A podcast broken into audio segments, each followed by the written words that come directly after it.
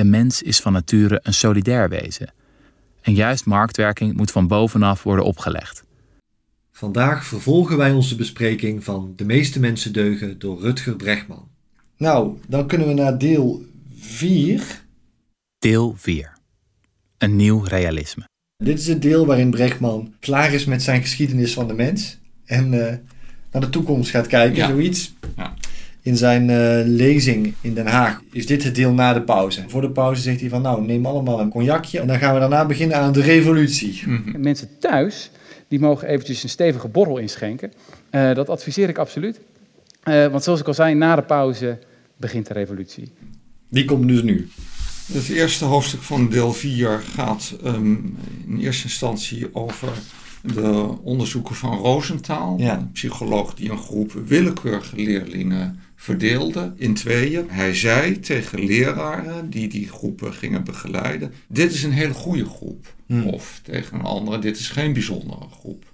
Hmm. Ondertussen heeft hij ook de IQ's gemeten van die eh, leerlingen. Ja. En nadat die leraren een tijd aan de slag waren geweest met die leerlingen, bleek dat de leerlingen waarvan ten onrechte verteld was dat die veelbelovend waren Ja. of goed waren, veel meer vooruit waren gegaan Ja. dan de anderen. De leraren blijken de slimme groep meer aandacht, complimentjes en hoopvolle blikken te geven, waardoor de kinderen zichzelf ook anders gaan zien. Het effect op jonge leerlingen is het duidelijkst. Zij maken in één jaar een sprong van gemiddeld 27 IQ-punten. De grootste vooruitgang wordt geboekt door jongens met een Mexicaans uiterlijk, de groep waar normaliter het minst van wordt verwacht. Met andere woorden concludeert Rosenthal dat als je positieve verwachtingen hebt van mensen, dan gaan ze daardoor beter vooruit dan wanneer je die positieve verwachtingen niet hebt. En Rosenthal noemt dat het Pygmalion-effect. Dat eh, beschrijft Bregman aardig. En vervolgens zegt hij, Ik dacht eerst nog, zo'n oud onderzoek zal inmiddels wel ontkracht zijn, net als die andere mediagenieke experimenten uit de jaren 60. Niets blijkt minder waar. Vijftig jaar later is het Pygmalion-effect een van de belangrijkste bevindingen van de psychologische wetenschap. Er zijn honderden studies naar gedaan. In het leger, op universiteiten, in rechtszalen, in gezinnen, in verpleeghuizen en binnen bedrijven. Keer op keer blijkt, verwachtingen zijn machtige wapens. Ik vind dit eigenlijk iets anders toch dan het hoofdthema van het boek. Want het gaat hier eigenlijk over hoe kunnen mensen zo effectief mogelijk dingen leren. En je kan ook heel goed leren eh, met scherp te schieten.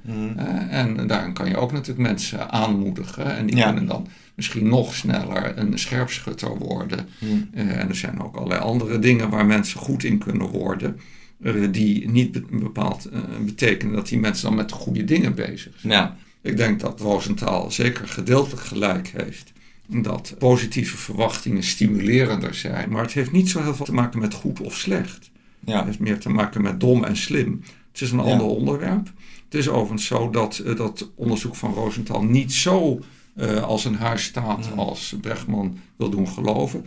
Eh, de- dat zit ook complexer. Er zijn ook onderzoekingen die hebben gewezen op de beperktheid van die positieve effecten. Met name zo'n sprong in IQ. Dat wordt denk ik terecht in twijfel getrokken. Of je inderdaad Ja, zo'n sprong in IQ maakt. Alleen Ja. maar door de verwachtingen van je Ja. leraar. De eerste IQ-test, daar scoorden de kinderen op alsof ze zwak begaafd waren. Dat Mm. is eigenaardig. ja, Dit is dus weer zo'n experiment uit de jaren 60 wat, wat Brechtman wel wil geloven. ja. En eh, hier gaat hij dus niet zo kritisch mee om als met die andere. Want hier valt dus echt wel iets op af te dingen. Hoewel het natuurlijk in de lijn der verwachting ligt dat de verwachtingen van een leraar iets uitmaken voor de prestaties van een leerling.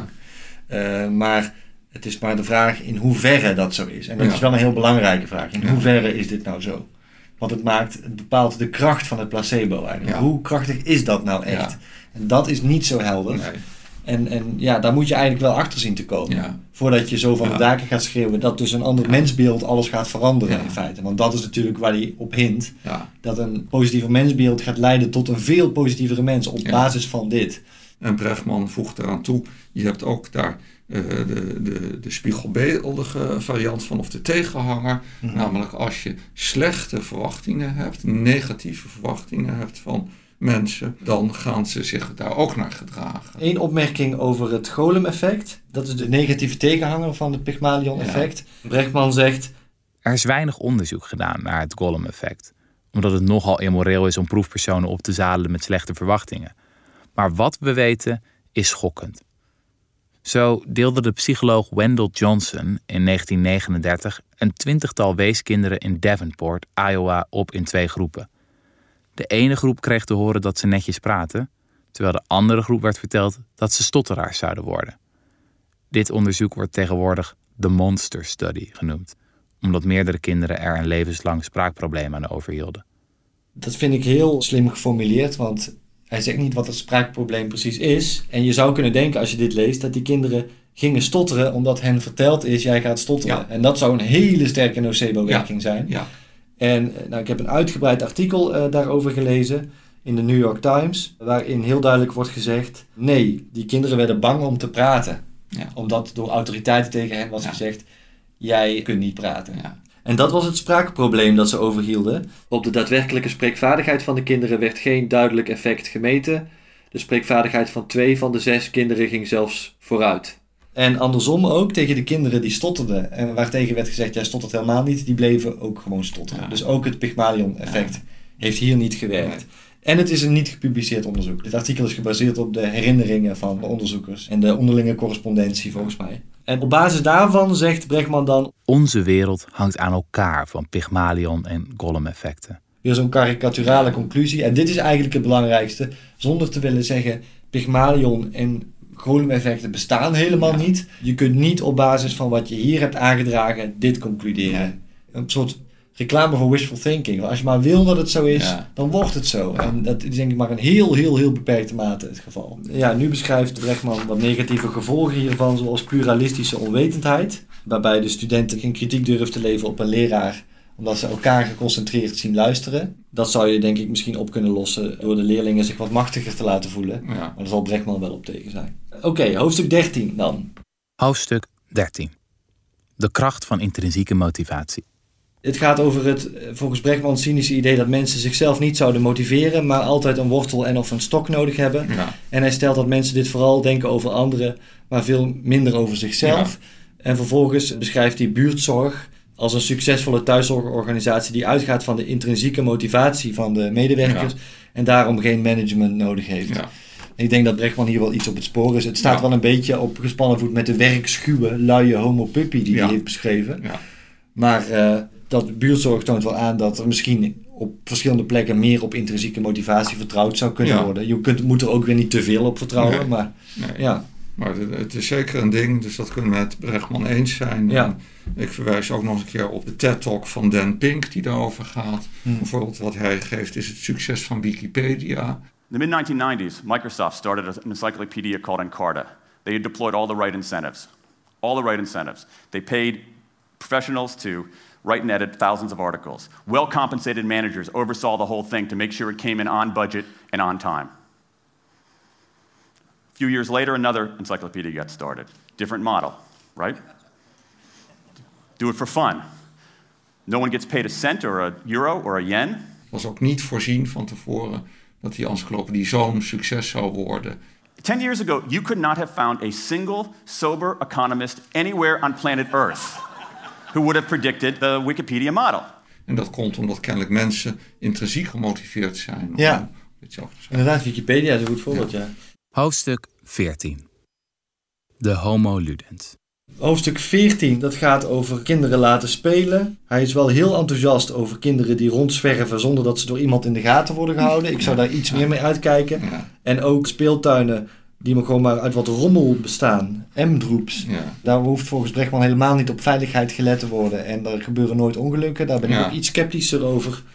Maar eh, pleidooi voor kinderen laten spelen, daar ga ik eh, me echt niet eh, hevig tegen Nee. verweren. En dan heeft hij het over het zogenaamde spelend onderwijs in de vorm van Agora-scholen. Of Agora, ik weet niet Ja. precies hoe je het uitspreekt. Daar is hij dan wel ook weer een beetje naïef enthousiast over, vind ik. Op basis van gesprekken met eh, ja, chef Drummen die zijn auto op het fietspad gewenst te parkeren. En Agora-leerlingen. ja. Op basis daarvan lijkt hij helemaal gewonnen daarvoor. Ja, de laatste alinea van het hele hoofdstuk die is eh, wat lachwekkend, vind ik. De onderwijsfilosofie van Agora is die van de jagers en verzamelaars. Kinderen leren het beste in vrijheid, in een gemeenschap, met alle leeftijden en niveaus door elkaar, met coaches en spelleiders. De jagers en verzamelaars hadden kennelijk niet alleen onderwijs, was mij niet bekend, maar Brechtman die weet er veel meer van dan ik. Maar dat is zelfs een onderwijsfilosofie. En die luide kinderen leren het beste in vrijheid in een gemeenschap met alle leeftijden en niveaus door elkaar. Nou, dat is tamelijk bespottelijk. Ja. Dat lijkt een beetje op alsof die jagerverzamelaars tegen hun kinderen zeiden: Kijk, Pietje en Kareltje, dat is nou een mammoet. Dan moet je zelf maar eens proberen hoe die het beste dood kan maken. Ja. Dat, uh, Ja. Maar iets anders wat ik wil zeggen is dat Brechtman suggereert weer met dit hoofdstuk dat het andere onderwijs, het niet-agora-onderwijs, gebaseerd zou zijn op wantrouwen en heel negatief zou zijn. Alsof Ja. er met iets on- ons onderwijssysteem iets fundamenteel Ja. mis zou zijn. Nou, ik zou hem willen uitnodigen om eens een kijkje te komen nemen in, eh, in een klas eh, bij ons op de Haagse Hogeschool. Mm. Het is daar heel gezellig. En natuurlijk is er af en toe controle en georganiseerd wantrouwen. Maar niet op een grimmige, op akelige manier. Mm. En in het algemeen is ons onderwijs heel positief. En dat je dat in het algemeen kan zeggen, blijkt in coronatijd des te meer. Nu je hebt gezien hoeveel kinderen het afschuwelijk vonden dat ze een tijd niet naar school Ja. konden. Naar school gaan vinden kinderen heel leuk. En in het algemeen gaat het heel leuk bij ons op school. Hm. Dus hier creëert ook eh, Brechtman een probleem dat er eigenlijk niet in die mate is. Het enige wat mij eh, noem dat, tot nadenken stemt, is dat onderzoek waaruit blijkt dat Nederlandse leerlingen het minst gemotiveerd zijn van alle onderzochte landen. Geloof ik dat OESO-onderzoek dat Ja. er aanhaalt. Ik heb dat onderzoek zelf niet bekeken. Misschien kom ik weer voor verrassingen te staan als ik Ja. dat daadwerkelijk ga bekijken. Maar Ja, dat zegt wel iets slechts dan over het Nederlands. over het Nederlandse onderwijs. Ja. Maar wat dat precies is, dat Ja. wil niet zeggen dat dus Agora de oplossing is. Ja. Maar, nou, hoofdstuk 15. Hoofdstuk 15. Zo ziet een echte democratie eruit. Dus nu eh, gaat eh, Brechtman wat suggesties doen over hoe we onze democratie zouden kunnen verbeteren. Hij heeft het eerst over de grassroots democratie van burgemeester Julio Chavez in de Venezolaanse stad Torres, waar de burgers de begroting mochten bepalen. En daarna over een vergelijkbaar project in Porto Alegre, dat al loopt sinds 1989, waar burgers een deel van de begroting mogen bepalen. Daar is inmiddels een beetje de klad in gekomen, begrijp ik. Maar, maar voor Ehm. welk probleem is dat dan de oplossing? Ik begrijp niet welke problemen Brechtman hier... Ja, het is, als je het uitgangspunt hebt dat politici dat allemaal voor altijd verkeerd gaan doen, omdat ze gecorrumpeerd zijn door macht, Ja. dan kom je denk ik op dit soort ideeën. Ja. Maar als je ervan uitgaat dat er ook bekwame politici zijn die proberen gewoon de problemen op te lossen, dan is dit niet zo nodig. Nee. En op de piek van dat tweede project in Porto Alegre deed 3% van de bevolking mee. En daarmee wil ik het niet meteen afzeiken, want het- misschien was het wel echt, of is, ik weet niet, het lijkt nog steeds gaande, een positief project. Ja. Maar eh, dat maar 3% eraan meedeed, dat is wel reden om in ieder geval wat minder negatief te doen over die representatieve eh, democratie. Ja. Want blijkbaar zijn heel veel mensen daar gewoon eh, tevreden mee. Ja. Hij maakt hier een hele scherpe tegenstelling ook tussen wat hij dan de commons noemt en de staat. Lange tijd behoorde vrijwel alles op de hele wereld tot de common. Gedurende het grootste deel van onze geschiedenis bestond er immers nauwelijks privébezit en geen staat. Jagers en verzamelaars zagen de natuur als een gevende plek die iedereen voorzag in zijn behoeftes. Pas in de afgelopen 10.000 jaar zijn steeds grotere delen van de commons opgeslokt door de markt en de staat. Ja. Die staan helemaal tegenover elkaar. En nu gaat hij ook de markt eh, interpreteren als iets dat van bovenaf opgelegd is. Wie denkt dat de opkomst van het kapitalisme in de 18e eeuw een spontaan proces was, heeft het dan ook mis. Het was niet de onzichtbare hand van de markt die de boeren zachtjes van het land naar de fabriek duwde. Over de hele wereld was het de harde hand van de staat, met een bajonet erin. Ik dacht dat bajonetten niet werden gebruikt eigenlijk, maar ja, maar daarvoor wel. hier ja, wel om markten op te leggen. De vrije markt werd van bovenaf gepland en opgelegd. Het zou kunnen dat in de 18e eeuw de vrije markt meer van bovenaf is geïntroduceerd dan van onderop. In ieder geval plaatst Brechtman hier de gemeenschap en de staat lijnrecht tegenover elkaar. Die botsen enorm. Ja. En dan noemt hij bijna tussen neus en lippen door de verzorgingsstaat. Pas aan het einde van de 19e eeuw ontstonden, ongepland en van onderop, de talloze verenigingen en coöperaties van arbeiders die de basis vormden voor de latere verzorgingsstaat. En dan zou ik hopen dat hij daar de conclusie trekt. Oh, dus het is gewoon te combineren. De En- staat kan gewoon ja. initiatieven van onderop bundelen en institutionaliseren. En maar dat doet hij dan niet. Aangezien we het eind van die 19e eeuw verre voorbij zijn, kunnen we eh, spreken van een inmiddels opgelost probleem. Ja. Want we leven nu in die verzorgingsstaat. En dat gebeurt nu weer. Na een periode van enclosures en marktwerking, van bovenaf gepland door de staat, is van onderop een stille revolutie begonnen. In de afgelopen jaren, en zeker sinds de financiële crisis van 2008, is het aantal zorgcoöperaties, broodfondsen en energiecoöperaties geëxplodeerd. Daar lijkt hij heel blij mee, maar ik had dat dus liever gewoon de staat zien Ja. regelen. Met, met, jou eens. goed. Ehm, en nu gaat hij dat algemeniseren. Nu zegt hij, De mens is van nature een solidair wezen. En juist marktwerking moet van bovenaf worden opgelegd. alsof dat dus altijd zo is. Maar er was toch al ruilhandel bij de Feniciërs. En dat gaan mensen toch al heel snel doen. Van hé, hey, jij hebt een koe en ik heb graan. Eh, kan ik melk krijgen en dan kan jij eh, brood van mij eh, krijgen. Dat Ja. wordt toch niet alsmaar van bovenaf opgelegd. Nee. Nee. Nee, dit is allemaal Markten ontstaan voortdurend op allerlei voortdurend. plaatsen. Ja, en dat op allerlei niveaus ook. schrijft Edgerton ook in Six Societies. Dat handel ook in primitieve samenlevingen Ja. voorkomt. Op allerlei niveaus. Ik heb als kind heb ik wel eens postzegels tegen knikkers geruild. Ja. Dat wordt allemaal niet van bovenop opgelegd. Nee. Kijk, hij heeft in het begin van dit hoofdstuk aangetoond dat er heel veel alledaags communisme is onder mensen. Dan geeft hij als voorbeeld dat je iemand gewoon de weg wijst of gewoon het zout aangeeft zonder dat je daar een betaling voor eh, wilt. Ja. En dat ziet hij dan als hoe mensen normaal met elkaar omgaan. En dan beschrijft hij de markt als iets dat vervolgens door weer die gecorrumpeerde machthebbers, denk ik, wordt, Ja. wordt opgelegd. Echt onzin. Dan zegt hij daarna wel weer, Zeker, er zijn talloze voorbeelden van markten die goed functioneren. En laten we niet vergeten dat de opkomst van het kapitalisme in de afgelopen twee eeuwen gepaard ging met een enorme groei van de welvaart. dus dan zegt hij eigenlijk iets wat van bovenaf opgelegd wordt, kan heel goed functioneren. Ja. Tine de Moor pleit dan ook voor institutionele diversiteit. Soms werken markten het beste, soms heeft de staat de juiste oplossing, maar uiteindelijk hebben we vooral behoefte aan een sterke gemeenschappelijke basis. Van burgers die de handen ineens slaan. Dat is ook waar. Dat is al breed geaccepteerd, Ja. helemaal niet Ja, revolutionair. het gaat allemaal helemaal niet over of mensen deugen of niet deugen. Nee. gaat over eigenlijk welke economie het eh, beste past op een bepaald moment. Brechtman doet ook wel elders in het boek dat een aantal dingen die door de staat worden afgedwongen, eh, alsof die eh, altijd ons overkomen, terwijl in werkelijkheid dat mm, vaak de vertaling is van eh, de wil van een groot deel van de Ja. bevolking. Ja. Eh, de grote Duitse denker Habermas die heeft daar veel over geschreven. En die zegt, wel- en, en dat is ook zo, dat het vaak het geval is dat een samenleving verandert. Eh, mensen veranderen in hun denkwijze over bepaalde zaken.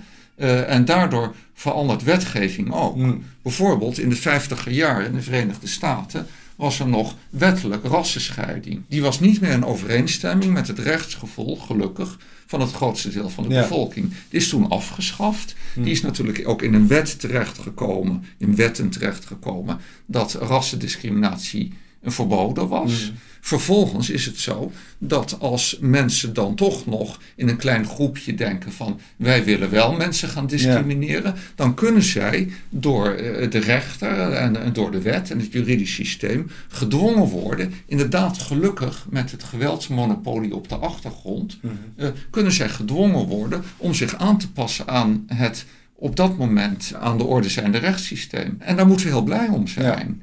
Dus het betekent helemaal niet wanneer de staat dingen ons oplegt, dat het altijd heel gemeen van bovenaf is. En dat wij daar part nog deel aan hebben. Dus zo werkt het helemaal niet. Nee. Nee, zeker niet in een democratie. Nee, in een Ja. democratische rechtsstaat is dat juist heel, Ja. heel fijn en veilig. En kunnen Ja, het ook met z'n allen weer een beetje veranderen. Eh, denk aan het homohuwelijk wat er nu is en vroeger er niet was. We kunnen dat ook met kleine stapjes doen. En dat is allemaal heel Ja. plezierig. De snijtafel wordt overeind gehouden door donateurs. Wil jij ook doneren? Ga naar desnijtafel.nl.